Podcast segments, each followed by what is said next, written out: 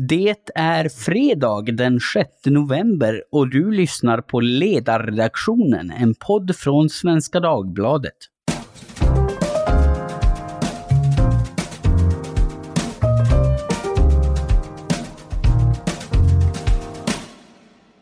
Idag ska vi prata om ryska försök att påverka politiken både på hemmaplan och i övriga världen, som ibland går så långt att de tar sig uttryck i mord och mordförsök till och med i Sverige. Och Fröet till den här podden såddes med Patrik Oksanens kolumn i gårdagens tidning, där han under rubriken Mordkommandon i Sverige från Moskva berättar om mordförsöket på den tjetjenske regimkritikern Tumsu Adurakmanov i en lägenhet i Gävle. Och vi ska återkomma till den här händelsen men också prata lite bredare om Rysslands försök att på tvivelaktiga, stundtals våldsamma sätt utöva inflytande i resten av världen. Eh, det är inte en fråga som bevakas sådär supernoga i svensk media och jag kan definitivt inte säga att det är ett ämne jag har bra koll på. Så därför har jag i sedvanlig ordning bjudit in några trevliga typer som faktiskt har koll och de kan förhoppningsvis bidra med lite upplysning såväl till mig som till er lyssnare. Personerna i fråga är den redan tidigare nämnde Patrik Oksanen, Senior Fellow vid tankesmedjan Frivärd, journalist, debattör och som sagt även kolumnist här på ledarsidan som skrivit mycket om den här typen av frågor. Hej hej Patrik! Hejsan hejsan! Eh, och Eh, så har vi också med oss Fredrik Westerlund, forskare vid Totalförsvarets forskningsinstitut, FOI, inriktad på rysk militär och underrättelsetjänst ur ett säkerhetspolitiskt perspektiv. Hej hej! Hejsan! Ja, Patrik, om vi börjar med din kolumn och händelsen den beskriver. Ett mordförsök på en tjetjensk regimkritiker i Gävle av alla ställen. Kan du berätta lite mer eh, för de som till äventyrs inte har läst din text? Du, du menar alltså att vi ska anta att eh, lyssnarna inte läser ledarsidan? ja, vi ska väl inte anta att de inte gör det, men vi får nog anta att åtminstone några stycken inte har läst. ja, den, den, här historien, den, den kan man säga då började på allvar Eh, den 26 februari. Eh, och det som hände då, det var att en tjetjensk flykting och en bloggare som heter Tumso Abdurrahmanov från sin lägenhet i Gävlestadsdelen Andersberg gjorde en livesändning. Eh, och då fick man se eh, den halvnakne bloggaren Tumso eh, med en hammare och eh, det var massa blod och så var det en, en blodig och påklädd man som han då förhör i den här sändningen och frågar då Vem skickade dig? Vem skickade dig? Jag frågar vem skickade dig? Eh, och då får han till svar då att, att eh, den här mannen som har tagit sig in i lägenheten är skickad av en, en, en man i Grozny, Tjetjeniens huvudstad, alltså den eh, delrepubliken Tjetjenien. Och att den här mannen själv är från Moskva. Och så frågar han då, hur fick du min adress? Ja, de berättade. Eh, och eh, sen kom ju polisen och från början så hade ju polisen, det tog lite tid för dem att förstå att det här var ett, eh, inte ett lägenhetsbråk utan att det här var ett, ett överfall. Eh, och sen så grep polisen då snabbt den här personen och en rysk kvinna, den här mannen är en rysk medborgare. Och i det då åtal som har rullats upp då så, så visar det sig att det här är en, en väl planlagd, avancerad operation där man har gjort rekning, man har skapat kontakt med den här mannen. Eh, så att den här kvinnan då som är, är åtalad har befunnit sig i lägenheten och kunnat öppna dörren, hon har fotat i lägenheten. Eh, och, Säkerhetspolisen har konstaterat att den här gärningen har varit välorganiserad, välplanerad samt givet kostnaden varit finansierad av en resursstark aktör. Och då citerar jag ur åtalet där. Eh, och bakgrunden till varför är den här mannen då utsatt? Ja, det är ju helt enkelt då för att han är en regimkritisk bloggare. Eh, han har retat upp eh, delrepublikens ledarskap eh, i Tjetjenien Eh, och eh, då har man skickat ett, ett mordkommando. Och eh, han eh, är ju inte ensam eh, Tjetjen i exil att då råka illa ut. Vi har haft mordfall i Frankrike och i Berlin tidigare. Så det är storyn i korthet. Fredrik, när vi pratade inför den här podden, eh, då sa ju du bland annat att det är osäkert om det här är något som sker med den ryska federala statens, eh, centralmaktens goda minne, eller om det är den tjetjenska delrepublikens president, Ramzan Kadyrov, som ligger bakom och det är så att Kreml helt enkelt låter honom hållas. Kan du utveckla lite kring det? Ja, alltså, jag vill börja med att säga att ytterst så har den politiska ledningen i Moskva alltid ansvaret. Eh, men Ryssland är inte en i alla avseenden välfungerande stat och eh, det pågår en hel del maktkamp eh, mellan olika federala myndigheter och personer i, i den politiska ledningen och även mellan federationssubjekt och centralmakten i Moskva. Och om man nu mm. tar uh, Ramzan Kadyrov som, så synes han genom åren ha genomfört uh, flertal mord. Bland annat uh, så verkar det som han har legat bakom mordet på Boris Nemtsov, den då mest kände oppositionspolitikern. Och, troligen även Anna Politkovskaja, den granskande journalisten som sköts till döds i sin trappuppgång. Ehm, och han har även legat eh, bakom eh, mord eller mordförsök på exiltjetjener utanför Ryssland. Ehm, och här framstår det som den eh, politiska ledningen inte har gett sitt samtycke eller godkännande på förhand i alla fall. Okej. Okay. Eh, och, och det här flikar jag in att det är ju klart att, att eh, det kan ju också vara praktiskt att inte behöva befläcka sig eh, med saker och ting, utan du har fristående aktörer som agerar precis som du är inne på här Fredrik, i, i någon slags riktning som ändå ligger i, i ett intresse utan att du har koll och godkänner det. Och så sanktionerar du det efteråt. Ja, för eh, i eh, de allra flesta fallen så har det ändå legat i, i Rysslands, eller den politiska ledningens i alla fall, eh, kanske inte landets, men den politiska regimens intresse. Och man får ju se det att det faktum att den politiska ledningen bara halvhjärtat eller inte alls har försökt ställa någon till svars. Och då pratar jag inte om eh, den som höll i pistolen utan den som beordrade och, och planerade mordet eller mordförsöket. Ehm, och man har, istället så har man ganska ofta belönat de personer som har utfört eller legat bakom det med medaljer eller eh, framträdande politiska poster. Och på det viset så kan man säga att eh, den politiska ledningen i Moskva i Kreml har ansvaret för det här, även om man kanske inte beordrade det. Man har i alla fall sanktionerat det i efterhand. Kallas även för deniability, om man uttrycker sig så. Mm. Ja, Ja, och, och det, här, det här verkar ju vara ett, ett mönster som går igen, det här att, att den ryska staten eller folk med deras goda minne angriper enskilda kritiker och dissidenter. Skulle man kunna säga att det är ett, liksom, ett, ett, ett vanligt modus operandi? Ja, det tycker jag att man kan säga att det är. Det är en del av hur Ryssland fungerar som stat eh, och det är en del av deras utrikespolitik.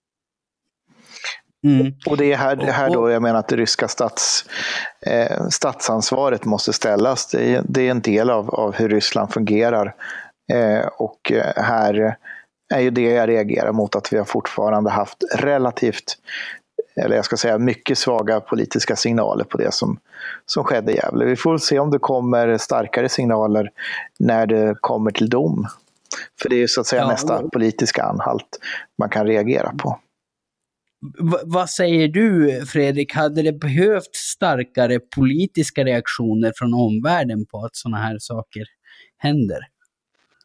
Ja, jag tror att, att eh, det är ett av få sätt som vi kan eh, förhindra, eller i alla fall minska risken för att det händer igen. Att man gör, ger en tydlig eh, signal tillbaka till det ryska systemet det förutsätter ju förstås att man har någorlunda torrt på fötterna så att man inte blir anklagad eh, för att, eller snarare Ryssland kommer alltid avvisa det och anklaga en för att, eh, för att ljuga eller hitta på. Men så att man inför det internationella samfundet ändå kan, kan eh, göra sannolikt att det är Ryssland som ligger bakom.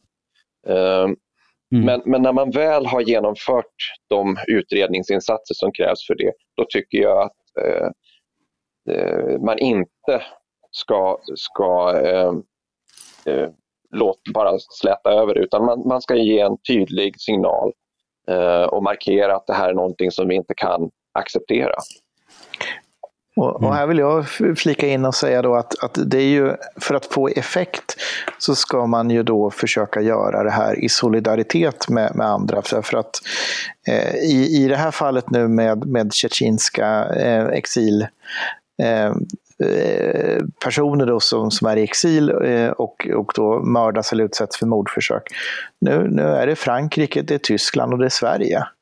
Eh, här borde EU markera, men även Sverige, Tyskland, Frankrike borde kunna markera tillsammans i det här. Eh, för ska man bygga in en avskräckning och göra det som Fredrik säger, och minska risken för att det här inträffar igen, eh, då måste det finnas ett pris som gör att det blir för kännbart för Putin-regimen att låta den här verksamheten fortgå.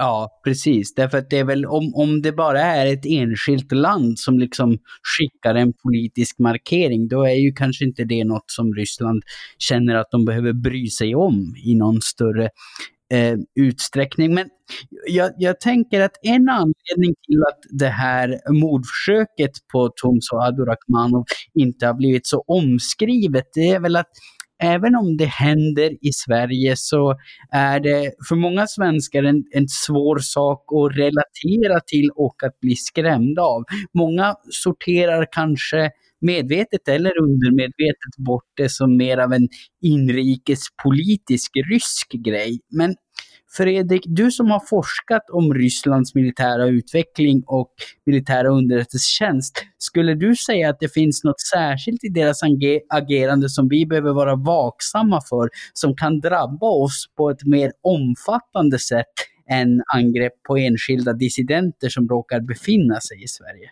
Ja, och, här behöver vi inte gå så långt tillbaka i tiden eller ens geografiskt för att få tydliga exempel. Och Eh, jag tänker här på mordförsöken och senare mordet eh, på Alexander Litvinenko i Storbritannien 2006 och eh, mordförsöket på Sergej Skripal för ett par år sedan här.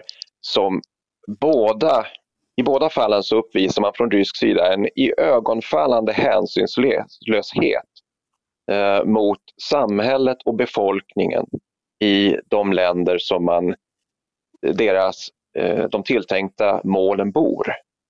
Eh, man gav sig på Litvinenko, man gav sig på Skripal, men man gjorde det med sådana metoder så att man eh, i Litvinenko-fallet spred radioaktivt material över stora delar av London, alltså i, i Storbritanniens huvudstad. Och, och i Skripal-fallet så så spred man ett eh, militärt nervgift, eh, ett, ett kemiskt vapen eh, som, som, man, som fick spridning i Salisbury och som, där man även lämnade kvar själva giftet så att det kunde hittas senare och ledde då till att en person dog och ytterligare en person fick, blev allvarligt skadad. Och det här det skulle kunna hända eh, även i Sverige. Att, att man riktar sig mot en person som finns här men använder en metod som drabbar hela samhället så att man får, ja, som i Salisbury och i London, man stängde ner, eh, fick enorma kostnader för att sanera och ett enormt arbete. Det handlar om en polisutredning som höll på i flera år och drog tusentals eh, timmar eh, arbetstid för poliser där.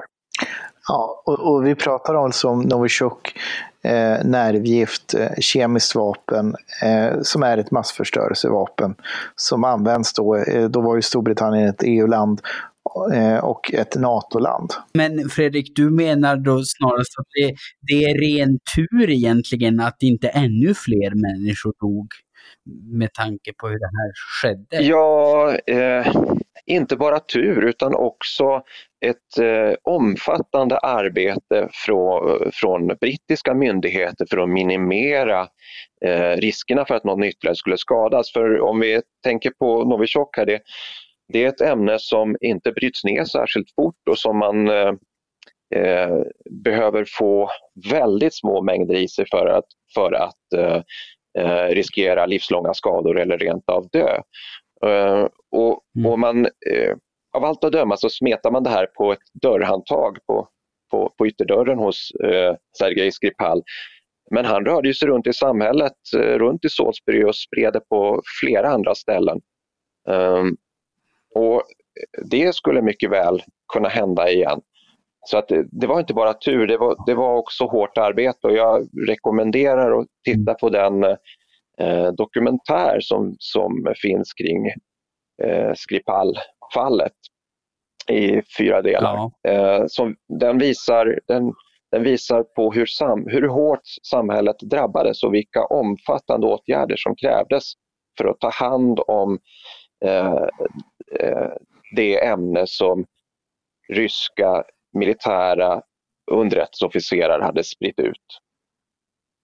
Ja, och eh, vad säger du Patrik? Instämmer du i det Fredrik säger eller finns det ytterligare något vi borde vara vaksamma för som skulle kunna drabba oss på ett bredare sätt än den här jakten på, på enskilda ja, dissidenter? Alltså, det är ju tar vi det i ett bredare kontext så, så vet vi ju att eh, Ryssland eh, begår cyberangrepp mot, mot Sverige och svenska intressen. Eh, GRU har ju varit inne i Riksidrottsförbundets servrar i en desinformationsattack för att eh, sprida då, eh, misstänkliggöra svenskt dopningsarbete i syfte då att eh, relativisera ryska dopingbrott, bara för att ta ett exempel från de senaste åren. Och ytterst, i den yttersta av skalor, så ligger ju det som är då konstaterande från försvarsberedningen att eh, att ett väpnat angrepp inte kan uteslutas i, i, i dess förlängning. Mm. Så att vi, vi pratar om en gråzons spännvidd som är från dagens gråzonsläge med desinformation, cyberangrepp och eh, den här typen av, av, av eh, mordpatruller som vi, vi har nu sett i, i Gävle. Eh, hela vägen till, till kriget. Eh, så att eh, det, det är den skalan vi rör oss i. Eh, så, så med, med det sagt så, så ska man ha hela den den medvetenheten. Sen är det ju precis som Fredrik säger då, att det är ju det är klart att nästa, nästa eh, mordförsök som, som, den, eh, som sker kan ju vara med den här typen av, av medel eh, som, som Novichok som också användes mot Navalny och då kan ju tredje person komma till skada. Eh, det finns en aspekt som jag tycker ja. är intressant och som jag gärna också bollar ett varv med Fredrik här, men det är ju då när man väljer de här mycket ska vi kalla det för, eh, oerhört potenta medlen för att, eh, att ge sig på regimmotståndare. Eh, det är ju en sak att skjuta någon med, med en ljuddämpare i, i, i mörkret, men, men det här är ju det, det, finns ju ett budskap i användandet av medel också. Och det finns en hänsynslöshet i det som, som är en, det finns en psykologisk dimension i att använda de här typerna av medel. Ja, det, det gör det definitivt. Eh, och jag skulle säga att man använder den här typen av metoder för att, att eh, eh, statuera exempel och visa på sin egen makt. Just när det gäller den typ av, av substanser som man har använt som Novichok och eh, polonium 210 i fallet med Litvinenko så, så är det sånt som det är, är, är ämnen som bara en eh, mäktig eh, militärt framstående och vetenskapligt framstående stat kan eh, ta fram. Och för att få dem på rätt plats vid rätt tillfälle eh, Eh, och kunna hantera så här farliga substanser så krävs också en välfungerande underrättelsetjänst. Så det här är ett, det är ett stormaktsattribut som man viftar med för att visa makt. Och i eh, den här hänsynslösheten så ligger ju också en maktuppvisning. Man visar två saker. Det ena är att man kan göra det. Det andra är att man är inte rädd att vara så hänsynslös och man är inte rädd för konsekvenserna. Man kommer undan därför att man förnekar. Mm. Ja, och eh, eh, men jag menar du Fredrik som har tittat på eh, Rysslands militära utveckling. Eh, det, det, står ju klart då att de, de är ju beredda att vara väldigt hänsynslösa för att liksom göra sig av med enskilda dissidenter och obekväma röster. Men Patrik pratade ju här om att vi, det är ju en gråzon som då spänner sig mellan allt från desinformation till fullskaligt krig. Och alltså, vad säger du då om Rysslands militära utveckling i den eh, kontexten? Finns det något som tyder på att de liksom förbereder sig på att börja föra krig mot andra i högre grad än förut. Om, om den hänsynslösheten växer till en, eh, alltså bortom individnivån. Eh, jag skulle säga att, att Ryssland förbereder sig för att möta ett krig. Ett krig som de ser eh, är på väg eller kanske redan har börjat. De, de uppfattar själva att, att det här är, är försvar men Eh, man lägger stor tyngd vid aktivt försvar, att föregripa motståndarens eh, åtgärder. Eh, och jag skulle säga när det gäller just militärt öppet våld, då, då har man, det, det är en sista utväg skulle jag säga. Man, man kan hota med våld, men, men det är i sista hand som man faktiskt vidtar omfattande stridshandlingar. Däremot så kommer man till det här sista läget betydligt snabbare än, än vad kanske många andra länder gör. Eh, man uppfattar, man uppfattar sig redan nu vara eh, mer hotad än, än på länge.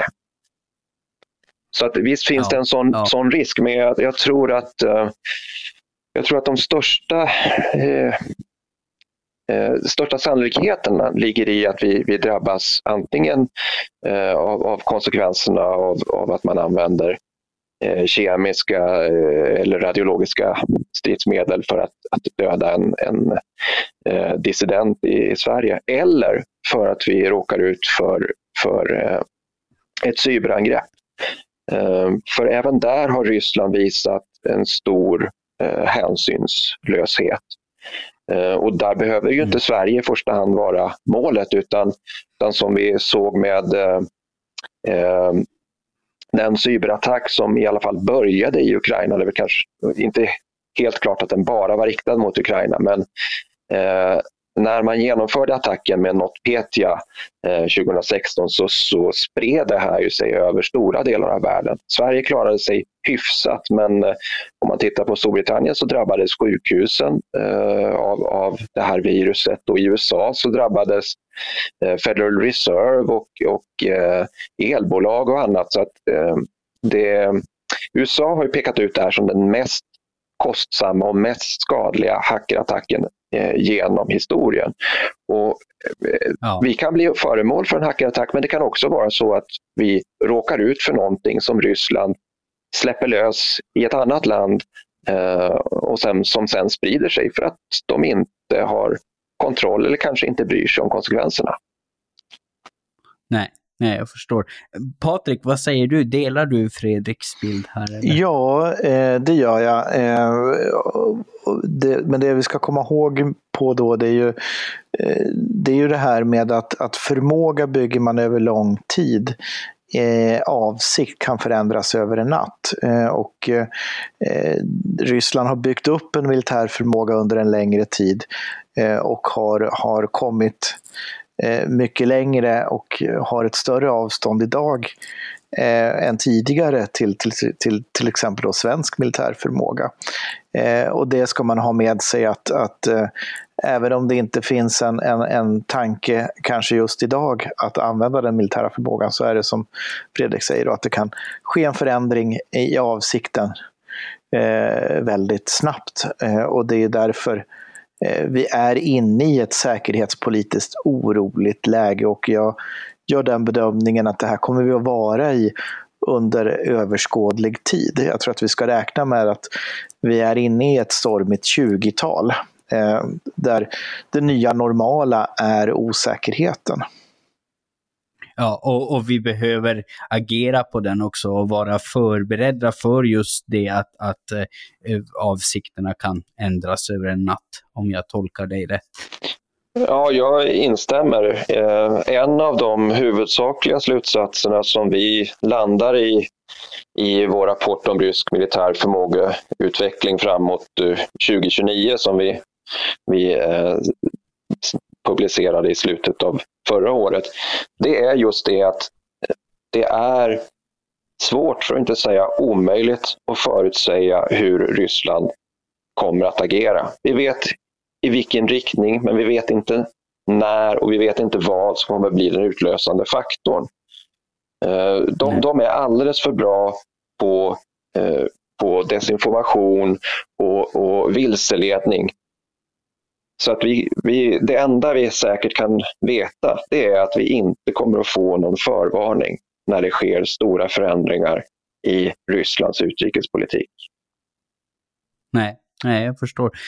Nej, vi, vi får väl helt enkelt göra vårt bästa eh, journalistiskt och på annat håll för att, att bevaka den här frågan och politiskt då driva på för att hantera den och vara förberedda för vad som eventuellt kan hända. Men som jag sa i inledningen så är ju det här med Rysslands försök att påverka och utöka sitt eh, inflytande i resten av världen, det är ju inte någon jätte jätteväl bevakad fråga i Sverige. De flesta skulle nog i likhet med mig säga att de inte har jättebra koll. Men för den lyssnare eh, eller journalist för den delen som skulle vilja ha mer koll. Finns det några särskilda resurser ni skulle rekommendera? Bloggar, poddar, böcker, hemsidor eller vad som helst?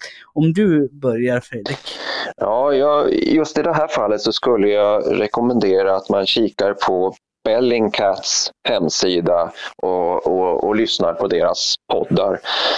De har eh, eh ägnat sig åt att kartlägga just sådana här eh, mörkare delar. Det vill säga både eh, hackerattacker men också har de kartlagt eh, kring mordet på, eller mordförsöket mot Skripal och eh, nedskjutningen av MH17 i Ukraina och, och visat hur man med utifrån sociala medier och eh, eh, öppet, eller i alla fall öppet tillgängliga källor eh, kan knyta ryska myndigheter till de här åtgärderna. Så att eh, Bellingcat, där, där finns en hel del för både intresserade eh, privatpersoner och journalister att, att hitta. Ja, Ja, men vi, vi, ska, vi ska länka till dem och det får jag instämma i. Det är väldigt mycket intressant läsning där. Patrik, Ja, vad Fredrik var ju lite blyg, så då säger jag att då tycker jag att ni ska gå in på foi.se, klicka på fliken rapporter och skriva in Ryssland som sökord. Eh, och där så får ni ju fram en, en hel del eh, matnyttigt, både när det gäller då den här rapporten som, som Fredrik nämnde, då, rysk militär förmåga i tioårsperspektiv som kom i fjol, men även andra saker som eh, till exempel handlar om, om eh, då, vad som händer i Ryssland när man ändrade grundlagen, vad det får för konsekvenser eller nyckelaktörer för rysk cyberstrategi som är den senaste rapporten av Karolina Wendel Palin. Eh, så att där finns det mycket matnyttigt att titta på. Sen då så, så mm. tänkte jag ju då inte vara blyg och så säger jag ju då att frivärd.se har ju en del rapporter också eh, som handlar om på olika sätt om, om eh, påverkan och eh, bland annat den senaste rapporten eh, som jag har skrivit där eh, handlar om eh, en sammanfattning av den ryska cyberattacken mot norska stortinget som skedde här i augusti. Eh, så, där, ja. så där finns det också lite smått och gott. Ja, men det, det tycker jag var bra tips och eh, lyssnarna kommer säkert gladeligen dyka ner bland dem. Men med det sagt så får vi väl börja avrunda för idag. Jag känner definitivt att jag har fått bättre koll på det vi har pratat om och jag hoppas och tror att lyssnarna känner likadant.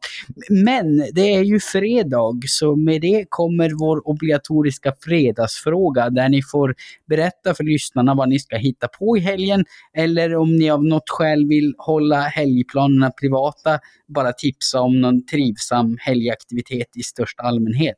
Fredrik, om du börjar.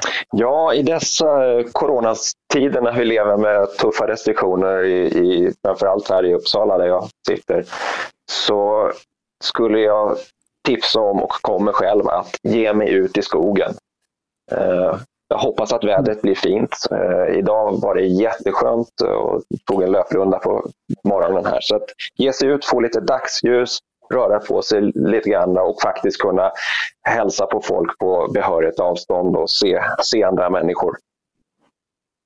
Ja, det låter som ett sunt tips. Och Patrik, vad säger Ja, då, då drar jag väl till med den heliga treenigheten eh, skog, familj och champagne.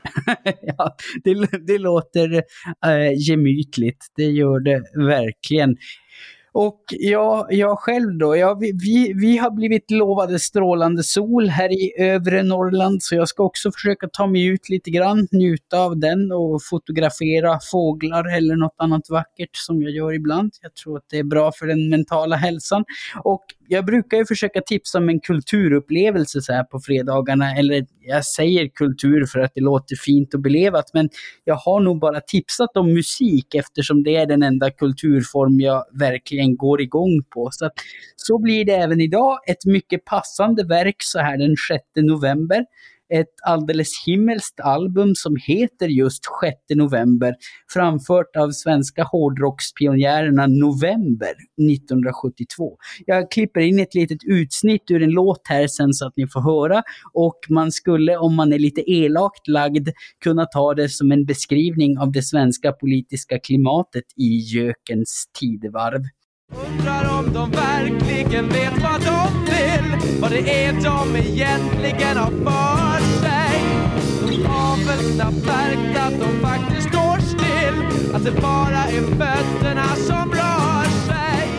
Men med dessa ljuva toner ännu ringande i öronen så säger jag stort tack till Patrik Oksanen och Fredrik Westerlund. Stort tack också till alla som har lyssnat. Frågor, synpunkter, ris och ros skickar ni som vanligt till ledarsidan svd.se. Ta hand om er och kom ihåg i dessa märkliga tider, hålla avstånd bör man, annars dör man. Trevlig helg! Vi hörs snart igen.